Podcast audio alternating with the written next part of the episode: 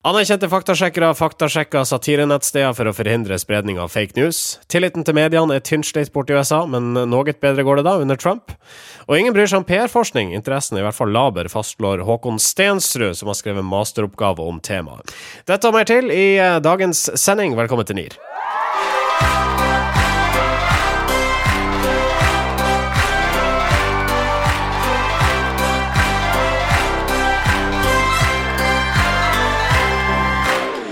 Velkommen eh, Nei, nå skal vi slutte med det velkommen-greiene. Eh, vi bare ror rett på eh, informasjon og PR og eh, kommunikasjon og medier. Eh, alt med et skråblikkbasert eh, tone. SMS-en er var 3. desember 25 år. altså 25 år siden første SMS-en ble sendt. Ja. Jeg, jeg, føler jo det er litt sånn nostalgisk. Jeg, jeg husker jeg tenkte hele, hele ungdomstida mi, fra jeg var sånn 12 til 16 så tenkte jeg at måten å fortelle eh, jenter at du var forelska i dem på, det var på SMS. Eh, Hvordan, hva, hva, skrev du i de eh, meldingene? Nei, jeg, jeg, tenkte at man skulle gå hardt ut, da. Eh, eller høyt, høyt ut. Eh, så jeg gikk rett inn i 'Hei, jeg elsker deg. Jeg elsker Marius'. um, og så fikk jeg ikke noe svar, så tenkte jeg kanskje ikke det var lang nok melding. Så da måtte jeg liksom utdype uh, hvordan og, og, hvorfor jeg, jeg, da elsket henne, da. For det, det trodde jeg det gjorde. Um, jeg fikk, fikk, ikke noe svar, men hun viste det til, til de andre i klassen. Eh, så de syntes det var, de syntes det var gøy. Jeg husker jo at uh, på den tiden uh, i SMS-en sin barndom, da gikk jo Dagbladet veldig godt. For da hadde de så enormt mange sider med sånne SMS-ringetoner man kunne laste ned. Send 2319 til 2580 og få liksom La det svinge som ringetone. På den tida der så var det jo gøy med ringetoner. Jeg husker jeg hadde, ja, det husker jeg var liksom litt kul. 'Å du har den ringetonen, og har fått den fra?' Ja, kult. Det begynte jo veldig monofonisk, ikke sant? Altså, Først så mm. var det bare én tone. Du, du, du, mm. uh, så ble det polyfonisk. Ja. Eh, da begynte det å bli virkelig interessant. Mm. Eh, og fortsatt så var det et stort eh, marked for disse Det markedet ble bare større for de ringetonene. Husker dere at du kunne sende en melding til 2165! Og så var det da Crazy Frog du ja. kunne få. Ja, ja, og så ble det andre crazy dyr. Som får denne crazy lemonen på din mobil.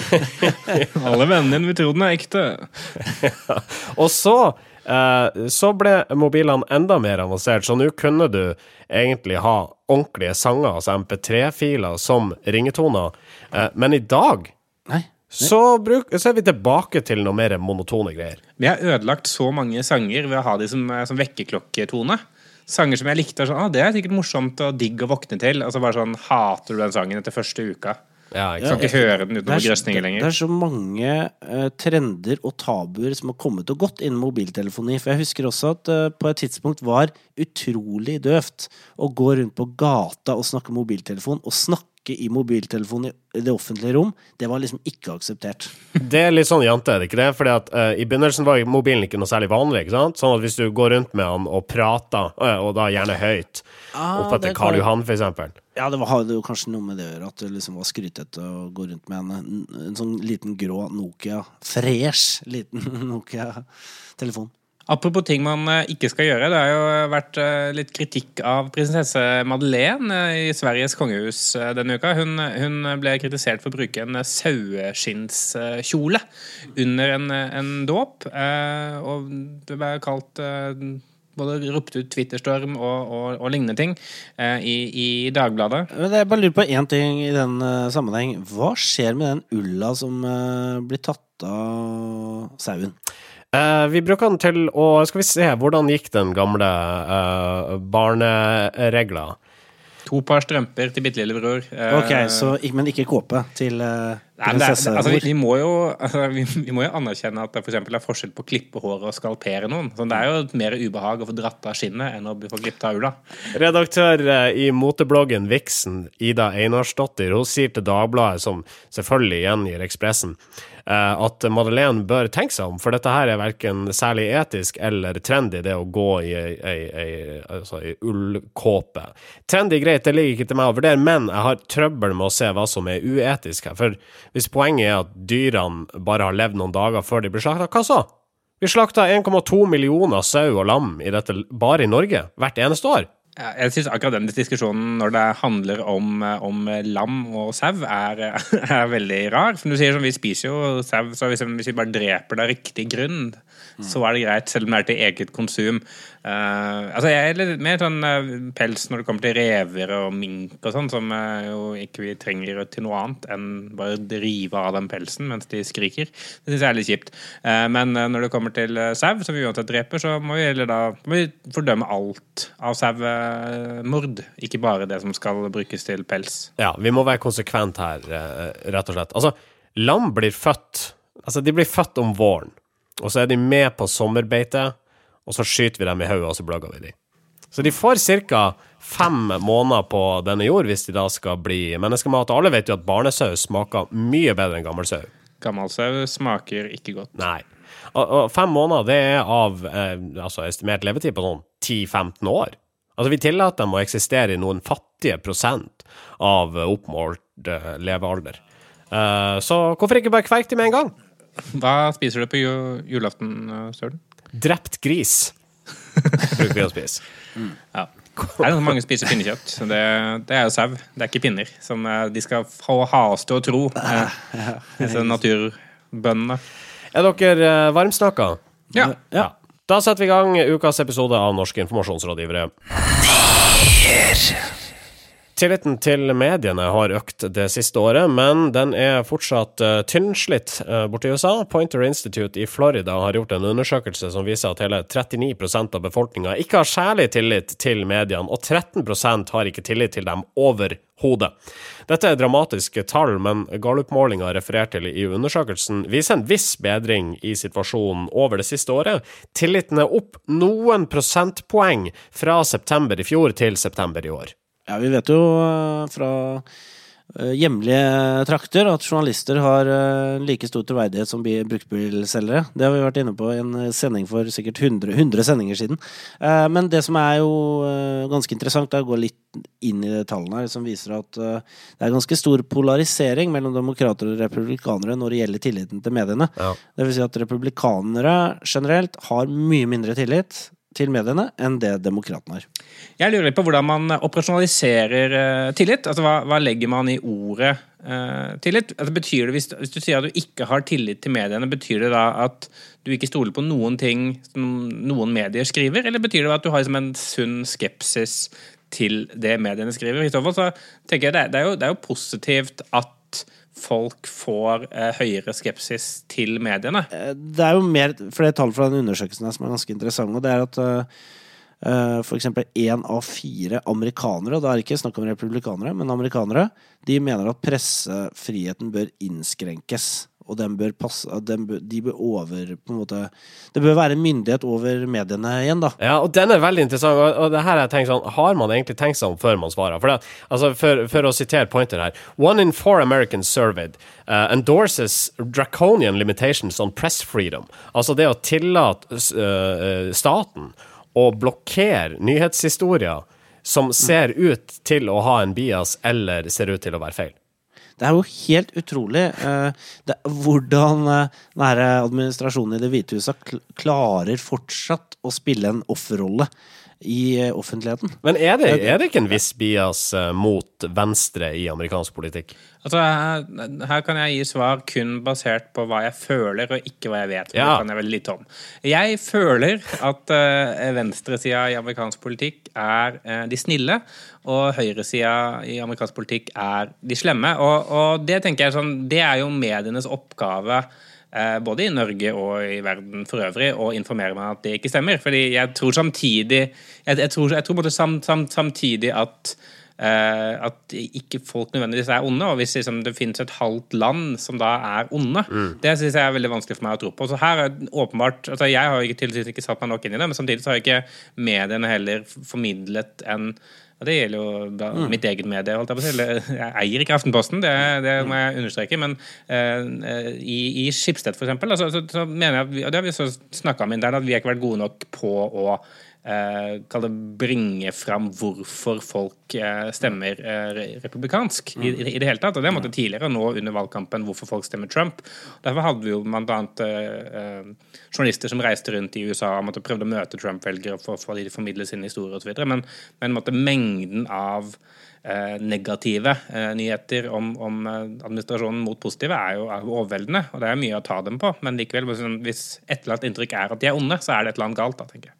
Uh, men altså tilbake til uh, tilliten til uh, mediene blant amerikanere. Kan det ha noe med å gjøre at mediene ikke er ærlige i de tilfellene de har en, en, en politisk slagside. Jeg tenkte, altså, hvis du, sier, hvis du driver ei avis og sier dette her er en konservativ avis, ok, da vet folk at ok, nu, når vi leser den her, så leser vi den med en konservativ slagside. På samme måte, hvis, hvis de holder demokratisk Vi er en avis som støtter opp om Det demokratiske partiet, f.eks. Jeg, jeg, tror det handler mer om å, å, omtale slutte å omtale det som medier og begynne å anerkjenne at det er mennesker som jobber i de ulike mediene. Og, og mennesker har jo biaser, det er en måte sånn vi, sånn vi er oppvokst. Eh, så måtte det være ærlig på at liksom, vi som skriver saker, vi som driver journalistikk, vi preges av vår bakgrunn og vår fortid og, og det vi har opplevd og det vi tror på. Mm. Men vi prøver likevel å formidle det vi oppfatter som sannheten, og det som måtte kilde bekrefter at er sannheten. Men vi tar feil, og vi har fordommer. Eh, altså, hvis man Istedenfor å være sånn som Washington Post, som eh, de har et nytt eh, slagord fra i høst. og Det nye slagordet er 'Democracy dies in darkness'. Yes. Som de er lommelykta som skinner på sannheten for å redde demokratiet. Sånn. Det blir sånn måte pompøst og overveldende at, at, det virker ikke lenger som det er mennesker som jobber der, det virker som det er guder ikke sant? Som, som forvalter en sannhet. Eh, og, det stemmer jo ikke. og Da tror jeg man gjør seg selv en, en bjørnetjeneste eh, ved å liksom forfekte et ideal som ikke finnes. Da. Og det som jeg tenker også som kunne gjort dempa litt sånn derre hva skal jeg si, den demoniseringen av liksom, journalister på begge sider, er vel egentlig om, liksom, om journalister i forskjellige mediehus nå, nå, prøver jeg å lage en utopi her, men at de faktisk møtes oftere og diskuterer saker, istedenfor å kaste drit på hverandre og, og egentlig fordømme hverandres vinklinger, sånn som for eksempel skjer mellom CNN og Fox News, eller Fox News og resten av uh, mediene i USA, virker det som. Norske informasjonsrådgivere. Forskning på PR oppleves som lite relevant for de som jobber i faget. Det konkluderer Håkon Stensrud med i sin masteroppgave, eh, som han skriver om på Kommunikasjonsforeninga nettside. Stadig vekk kommer det nye akademiske journaler, ny kunnskap og nye teorier som forsøker å beskrive dette PR-faget vi alle er en del av, men praktikerne velger heller å bruke sine egne erfaringer som beslutningsgrunnlag i jobben. Ja, og det er jo hva skal jeg si, et uh, ganske tydelig poeng på at Håkon har rett, ved at det ikke er Håkon som sitter i en podkast som snakker om dette, men vi, som ja. bare har erfaring med det han har beskrevet i sin forskningsrapport. det er veldig sant. Um... Og, min, og, min, erfaring er at han har helt rett, eh, skal sies. Altså sånn uh, mm. at, uh, Og det, sånn, gjelder egentlig teori mot, mot, praktisk erfaring generelt sett. At, at det er en slags sånn aura av, av det å kunne vise til eksempler og eh, Det gir en viss aura å kunne vise til eksempler og tidligere jobber man har gjort, mm. eh, og forklare at sånn gjorde vi det da, og derfor gjør vi det sånn nå. Hvis du kommer med en modell og, og noen piler og noen et, referanser, et all, eh, så, så, har du en mye tyngre jobb, da, for da skrur ofte folk litt av når du snakker til dem. Kanskje er dette her å kunne vise til teori viktigere hvis du da eh, jobber i et byrå, og et byrå skal selge seg inn til en eller annen eh, virksomhet som setter høye krav til kommunikasjonsarbeidet. Dere må faktisk dokumentere at dere vet hva dere prater om, ikke at dere har det for dere, og at dere en gang gjorde en case for Norwegian. I teorien så kanskje, men jeg har fortsatt i gode å møte de som stiller den type krav. Hvis du skal selge deg inn eh, til en som du har gått i klassen til, på ja. PR-utdanninga. Ja, så sånn, kanskje det. du kan vise den samme teorien som de diskuterte den gangen. Det er jo, men det er jo den litt sånn Den enkle kommunikasjonsmodellen, rett og slett. Ja. Altså, du har en sender, og så har du et budskap, og så har du en mottaker av det budskapet. Og av og til så blir det støy. Støy! Ja. Ja, men altså, Dere har jo begge byråerfaring. Hvordan er det man selv, altså, hvordan gjør man en god pitch? Trenger man ikke teorien? Man, man uh, shopper litt teorier her og der, ja. uh, men man syns det er litt mer sexy å sitere en eller annen amerikansk uh, forsker slash praktiker som kanskje jobber med kule brands som Coca-Cola og Nike. Eh, det er litt mer den Det er litt kulere. Men jeg ser jo det Jeg jobber jo litt Jeg ikke så mye har ikke jobba så mye med PR de siste åra, men, men jeg har vært med på noe som heter Kampanjeskolen, som vi Starcom arrangerte sammen med Markedshøgskolen. Og der var Lars Erling Olsen, eh, som er eh, professor, vel, eller førsteamanuensis, han eh, snakka veldig mye om det der med at eh, det er ekstremt viktig at folk i akademia er, bruker nye caser som, eh, som produseres i bransjen, for å gå dem eh, etter i sømmene. For det at kan ikke lage teorier basert på veldig gamle ting, for det, det gidder ikke folk å høre på. Det, det er sikkert vanskelig å forske på PR også, fordi at ting skjer så kjapt som, som de gjør, og, og folks atferd ja, det kan diskuteres, men det i, i noen grad endrer seg fort, da. Altså, man kan si at man kan i hvert fall argumentere for at uh, atferd endrer seg på basis av f.eks. teknologisk utvikling. Mm, det Ja. kan man si. Uh, uh, Min, min erfaring er at uh, spesielt sånn i, i pitcher, uh, hvor man må snakke liksom generelt, men man likevel må oppleve spesifikt, fordi man har ikke tid til å lage ofte spesifikke pitcher for alle kunder. Men det som ofte funker, da, er er modeller. Altså, og om hvorvidt de modellene er basert på forskning eller ikke, så lenge de er catchy. Sånn som jeg, Jeg tror alle eh, reklamebyråer en periode brukte, og, og PR-byråer brukte den derre eh, den Coca-Cola hadde en sånn måte å fordele budsjettene sine som de kalte 70-20-10-regelen. Ja, ja, ja. Som nesten ikke er modell, det er bare står 70, 20 og 10 ved siden av hverandre. Men som måtte da eh, beskrives som en modell hvor du skal bruke 70 av pengene på ting du vet fungerer, 20% på ting som eh, du har lyst til å prøve ut, eller noe sånt, og 10% på ting som er helt crazy bananas, som kan bli morgendagen 20 et eller annet sånt. Mm. i fall at, eh, fordi Jeg syns byråene også er gøy å presentere, fordi da er det noe 10% de bare kan leke med å bygge verdens største soloflaske eller noe sånt. Ikke sant? Eh, eller, eller McKinsey, som, eh, som for noen år- siden eh, hadde en, en artikkel hvor, hvor de presenterte en ny måte og en ny sånn beslutningsprosessmodell. Hvor, hvor det var en slags sånn sirkel hvor du måtte Før, så var det denne trakta, hvor du, du skal kjøpe en bil, så begynner du å google etter eh, ta, vet vet om mange biler, og så går du og sjekker de bilene, og så kjøper du en bil. Men McKinsey la til en ny prosess hvor internett har kommet til, hvor du begynner med kanskje å vite om et par bilmerker, og så googler du, og så får du vite om flere bilmerker, som måtte beslutningsprosessen utvider seg. Og så går du i butikken, og så skjer transaksjonen i butikken. Og så er det en feedback loop tilbake igjen til triggerpunktet der du begynte. Så det er en slags sånn sirkel. Eh, og den er også veldig lett å forklare og vise sånn, hvorfor det er viktig måte, med, med CRM og trene celler og sånn. denne modellen har også brukt veldig, veldig mye en periode. Jeg, eh, men om de modellene Jeg har aldri blitt, eh, blitt konfrontert med sånn hva slags forskning baserer du den modellen der på? Nei, Jeg har aldri sett mange eksempler på den modellen tatt i bruk. Nei. Tror dere at man blir svar skyldig, da, eh, for å stille et konkret spørsmål, dersom noen etterspør modelldokumentasjon? Ja, Ja, det tror jeg. Det tror jeg. Hvis, eh, hvis du skal pitche noe til Statens vegvesen avdeling eh, Nord, eller hvor du, Region Nord. og du sitter sånn Har du referanser på det der? Ja. Uh, uh, nei. Du vet jeg er glad i referanser. Jeg liker å se kildene. Ja, du vil gjerne faktasjekke uh, ting. Ja, altså, jeg faktasjekker alt. Jeg stoler ikke på media. um, Håkon Stensrud er en praktiker sjøl. Han står bak både tekst og foto i uh, saken. Uh, du kan lese den på kommunikasjon.no. Norske informasjonsrådgivere. Faktasjekkerne i Faktisk har siden lanseringa i sommer faktasjekka en rekke påstander og saker i norske medier. De har avdekka faktafeil og skapt debatt. Og I forrige uke så havna de i klinsj med Nettavisen-redaktør Erik Stefansen, som ikke likte at noen ettergikk deres påstand om uh, noen forskere som angivelig ber alle om å slutte å få barn med en eneste gang. Det sier ikke forskerne, mener faktisk NO. Uh, og denne uka så har Faktisk beveget seg enda lenger ut i mediebransjens mørke kroker ved å faktasjekke den såkalte E-avisa. Ja, eh, vi må begynne bare å forklare kort hva e-avisa er. Det er jo eh, søppel eh, i, i digital form. Det er en, enere og nullere eh, i binærkode som er tatt sammen og blitt eh, søppel. Ja. Uansett, eh, de, de skriver jo da søplete artikler innimellom, som, for, som de mener er humor. Eh, og, og så har faktisk .no gått inn og faktasjekka en av disse artiklene. Eh, og, og, og Vi kan da- ta for oss artikkelen først. Altså, hva er det den omhandler?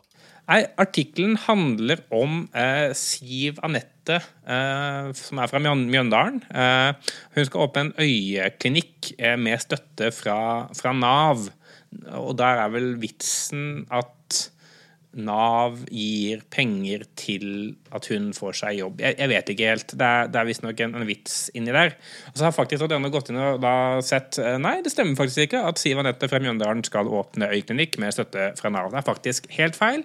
Og eh, det er faktisk også bare kødd og, og fjaseri. Ja. Eh, jeg jeg syns jo, jo det er rart at, at eh, det er dette faktisk .no skal bruke tida si på. På en eller annen måte For meg undergraver det litt sånn rollen som faktisk .no har. Da. For jeg har tenkt litt på sånn generelt sett om hva, hva, hvem burde publikum deres være. Da? For nå virker det som om publikum i hovedsak er norsk mediebransje. Ikke nødvendigvis da eh, de folkene som sitter der ute og lurer på om ting er sant eller ikke. Eh, og, og da føler jeg at jeg, liksom, da trengs det ikke. Hvis, hvis, fordi, fordi vi trenger ikke å faktasjekke oss selv, på en måte. Nei, det virker til å stå veldig bra til da i, eh, altså, i, i norsk mediebransje, dersom eh, faktisk NO faktisk må hete eavisa.com for å finne et eller annet å faktasjekke. Helst så bør de jo faktasjekke store, tunge påstander som blir toneangivende i eh, den offentlige debatten. Definitivt, og det burde konsentrere seg mest om makthavere. Altså næringslivsledere for store bedrifter og politikere. Fordi de eh, ofte sitter på et slags eh, eh, kunnskapsmonopol. Fordi at eh, det er, det er ofte vanskelig eh, for mannen i gata å liksom ettergå deres eh, påstander. Så det er jo en ekstremt viktig jobb, egentlig, syns jeg.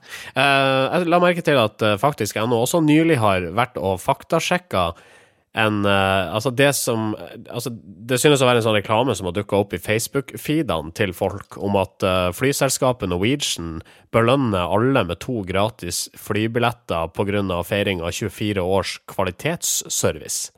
Altså Artikler som dette her, eh, de dukker opp med jevne mellomrom, og de er åpenbart falske! Ja, Hvorfor i alle dager skal man faktasjekke det? Jeg vet ikke om, om de prøver Om, om da faktisk noen tenker liksom at målgruppa deres er besteforeldrene mine, eller sånt, for de kunne sannsynligvis gått på, på dette, dette greiene her, for de har vært på internett to ganger i, i livet sitt, og syns kanskje at det er veldig hyggelig at Norwegian da begynner å gi bort eh, flybilletter. Eh, men, men de åpner også mailer de får fra liksom Ashley Madison og sånn, så de, de vet jo ikke hva, hva de driver med. Uh, så jeg, jeg, jeg syns det er rart at liksom at, at ikke nivået skal ligge, ligge høyere på faktasjekken. Altså, jeg synes for å ta hele den der nettavisen eh, faktisk.no-saken, den, den falt jeg av. Så da måtte du forklare meg hva som hadde skjedd, Marius, eh, i, i vår eh, Facebook-chat eh, til, Ja. tidligere i uka. Men den også ble så sykt andedam, eh, sånn medieandedam, når liksom, eh, da nettavisen åpenbart eh, har blitt tatt med buksene nede, men går knallhardt ut tilbake og sier her er det faktisk .no som har feil. Og de skriver så langt og så mye at jeg ikke gidder å lese det. Tenkte jeg, ja, kanskje det er noe i det, da, at faktisk eh, tatt feil. Og så svarer faktisk, og så svarer Nettavisen igjen. Og så har alle mista interessen for den debatten om hvorvidt den forskningsreferansen til Nettavisen stemmer eller ikke, som den jo åpenbart ikke gjør. Det er Nettavisen. Eh, så, så igjen, det er, det er bare de, Jeg føler at for å ikke miste relevansen og miste plassen sin og miste liksom fundingen fra de som funder det, så må de gjøre seg fortjent til å ha den rollen de har. da. Bare en liten ting om den Norwegian-saken igjen. for det at eh, altså, faktisk NO skal altså faktasjekke påstanden om at Norwegian Airlines belønner alle med to uh, gratis flybilletter. Uh, Faktainnhentinga her den er avslutta etter tre avsnitt, for hun presseansvarlig Charlotte Holmberg Jacobsen i Norwegian og sier til faktisk vi gir ikke bort flybilletter gratis. Så da var vi ferdig med den.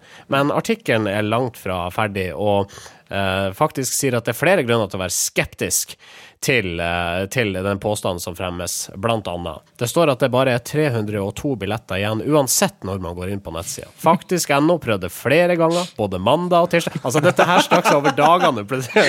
Det var alltid 302 billetter igjen. Altså, De, de, så, så, ja. Det er en undersøkelse folk skal gjøre på, i, denne saken. Da altså, jeg antar Da får de billetter hvis de svarer på undersøkelsen. Enkelte av svaralternativene i undersøkelsen er skrevet på haltende norsk. På spørsmålet 'Hvorfor foretrekker du Norwegian Airlines?' er to av svaralternativene 'dens overkommelighet' og 'det er miljø'. Eh, altså, her går faktisk inn og tar jobben For, tar jobben til Forbrukerombudet. Jeg skjø- jeg Her tar de jobben til vanlige folk, for det, her- det her er noe som vanlige folk skal spotte. Jeg, jeg syns ikke faktisk at NO skal ha som mandat å erstatte all kritisk sans, så vi slipper å ha det selv. Norske informasjonsrådgivere. Det nærmer seg jul, og um, på TV-en så er det fullt av julereklamer. Jula er jo tid for koselige kampanjer. Men den tyske butikkjeda Edeka har valgt noe annerledes i sin kampanje. Det kan du trygt si. Den tyske Nå aner ikke jeg hva tyskere liker å kose seg med på julaften, men det er sjeldent eh, Altså, vi nordmenn er i hvert fall liker ikke sånn dystopiske framtidsscenarioer der kunstig intelligens har tatt over alt liv på jorda. Men det er altså det det handler om i den reklamefilmen der, hvor en gjeng med roboter ruller gjennom en eh, fraflytta by. En Og de går støvete by. ikke, de ruller for det De ruller igjennom, uh, ikke sant? Og, som en IS-hær. Eh, I et forlatt eh, by i Syria. Nei, det var forferdelig. Men, men det er i hvert fall uh, Den filmen her eh, virker jo som er overhodet ikke som en julefilm i det hele tatt. Men den ene roboten i den her gjengen, da, den armeen som ruller gjennom byen, den får øye på en kino og en eh, filmplakat. Og ruller inn på denne kinoen.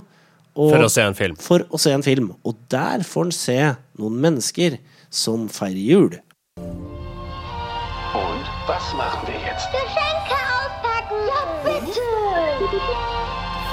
Hier, meine Kleinen. Danke, Papa.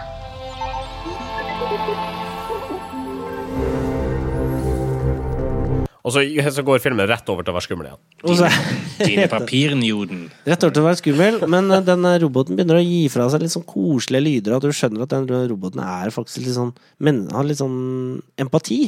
Ja. Det er en annen robot inni den kinosalen også, og du hørte bare helt på tuppen av klippet at den skumle musikken begynner, noe som gir eh, Noe som antyder i det minste at denne andre roboten har ikke et like er ikke like vennligsinna overfor eh, mennesker, da. Nei.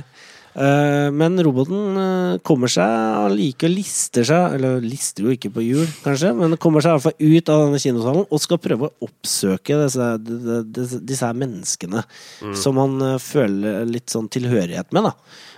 Og da kommer seg av gårde til der menneskene er i eksil. Det er jo en liten hytte i skogen, selvfølgelig. Og blir godt tatt imot der.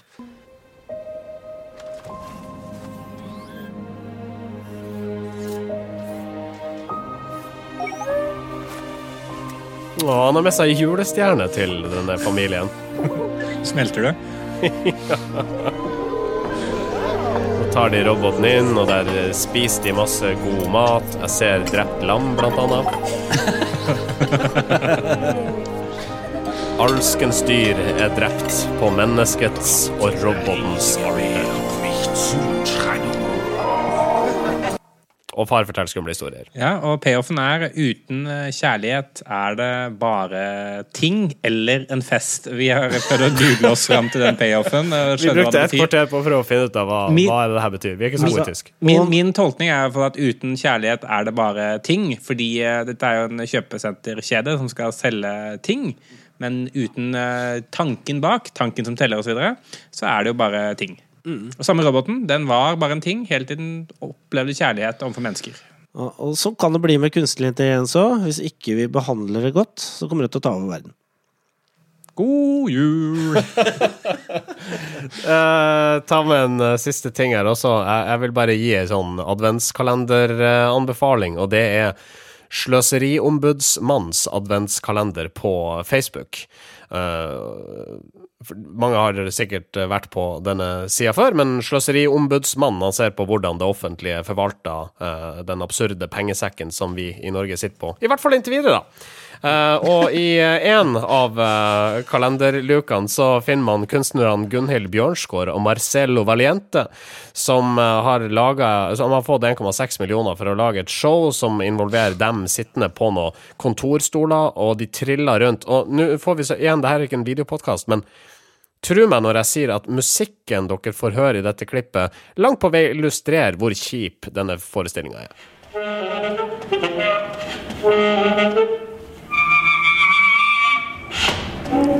Det er en mann på saksofon som spiller.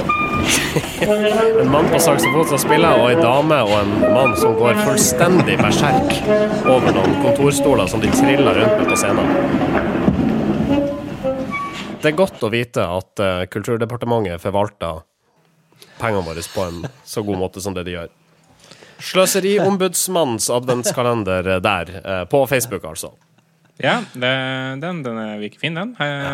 Har du noe bias? Jeg, jeg føler jeg føler meg veldig, veldig mot skatt denne tiden her. Ja, det vil jeg tro. Det er godt, eh, godt innhold, da. Godt produsert. Og egen, han har en egen vignett og greier. All right. Um, vi får komme med oppfordringa en gang til. Hvis du liker det du hører her, uh, gi oss gjerne en rating i iTunes, og skriv et par ord om oss, så uh, kanskje uh, får vi et større publikum enn det vi har i dag. Det setter vi i så fall veldig pris på. Takk til dere som gjør det.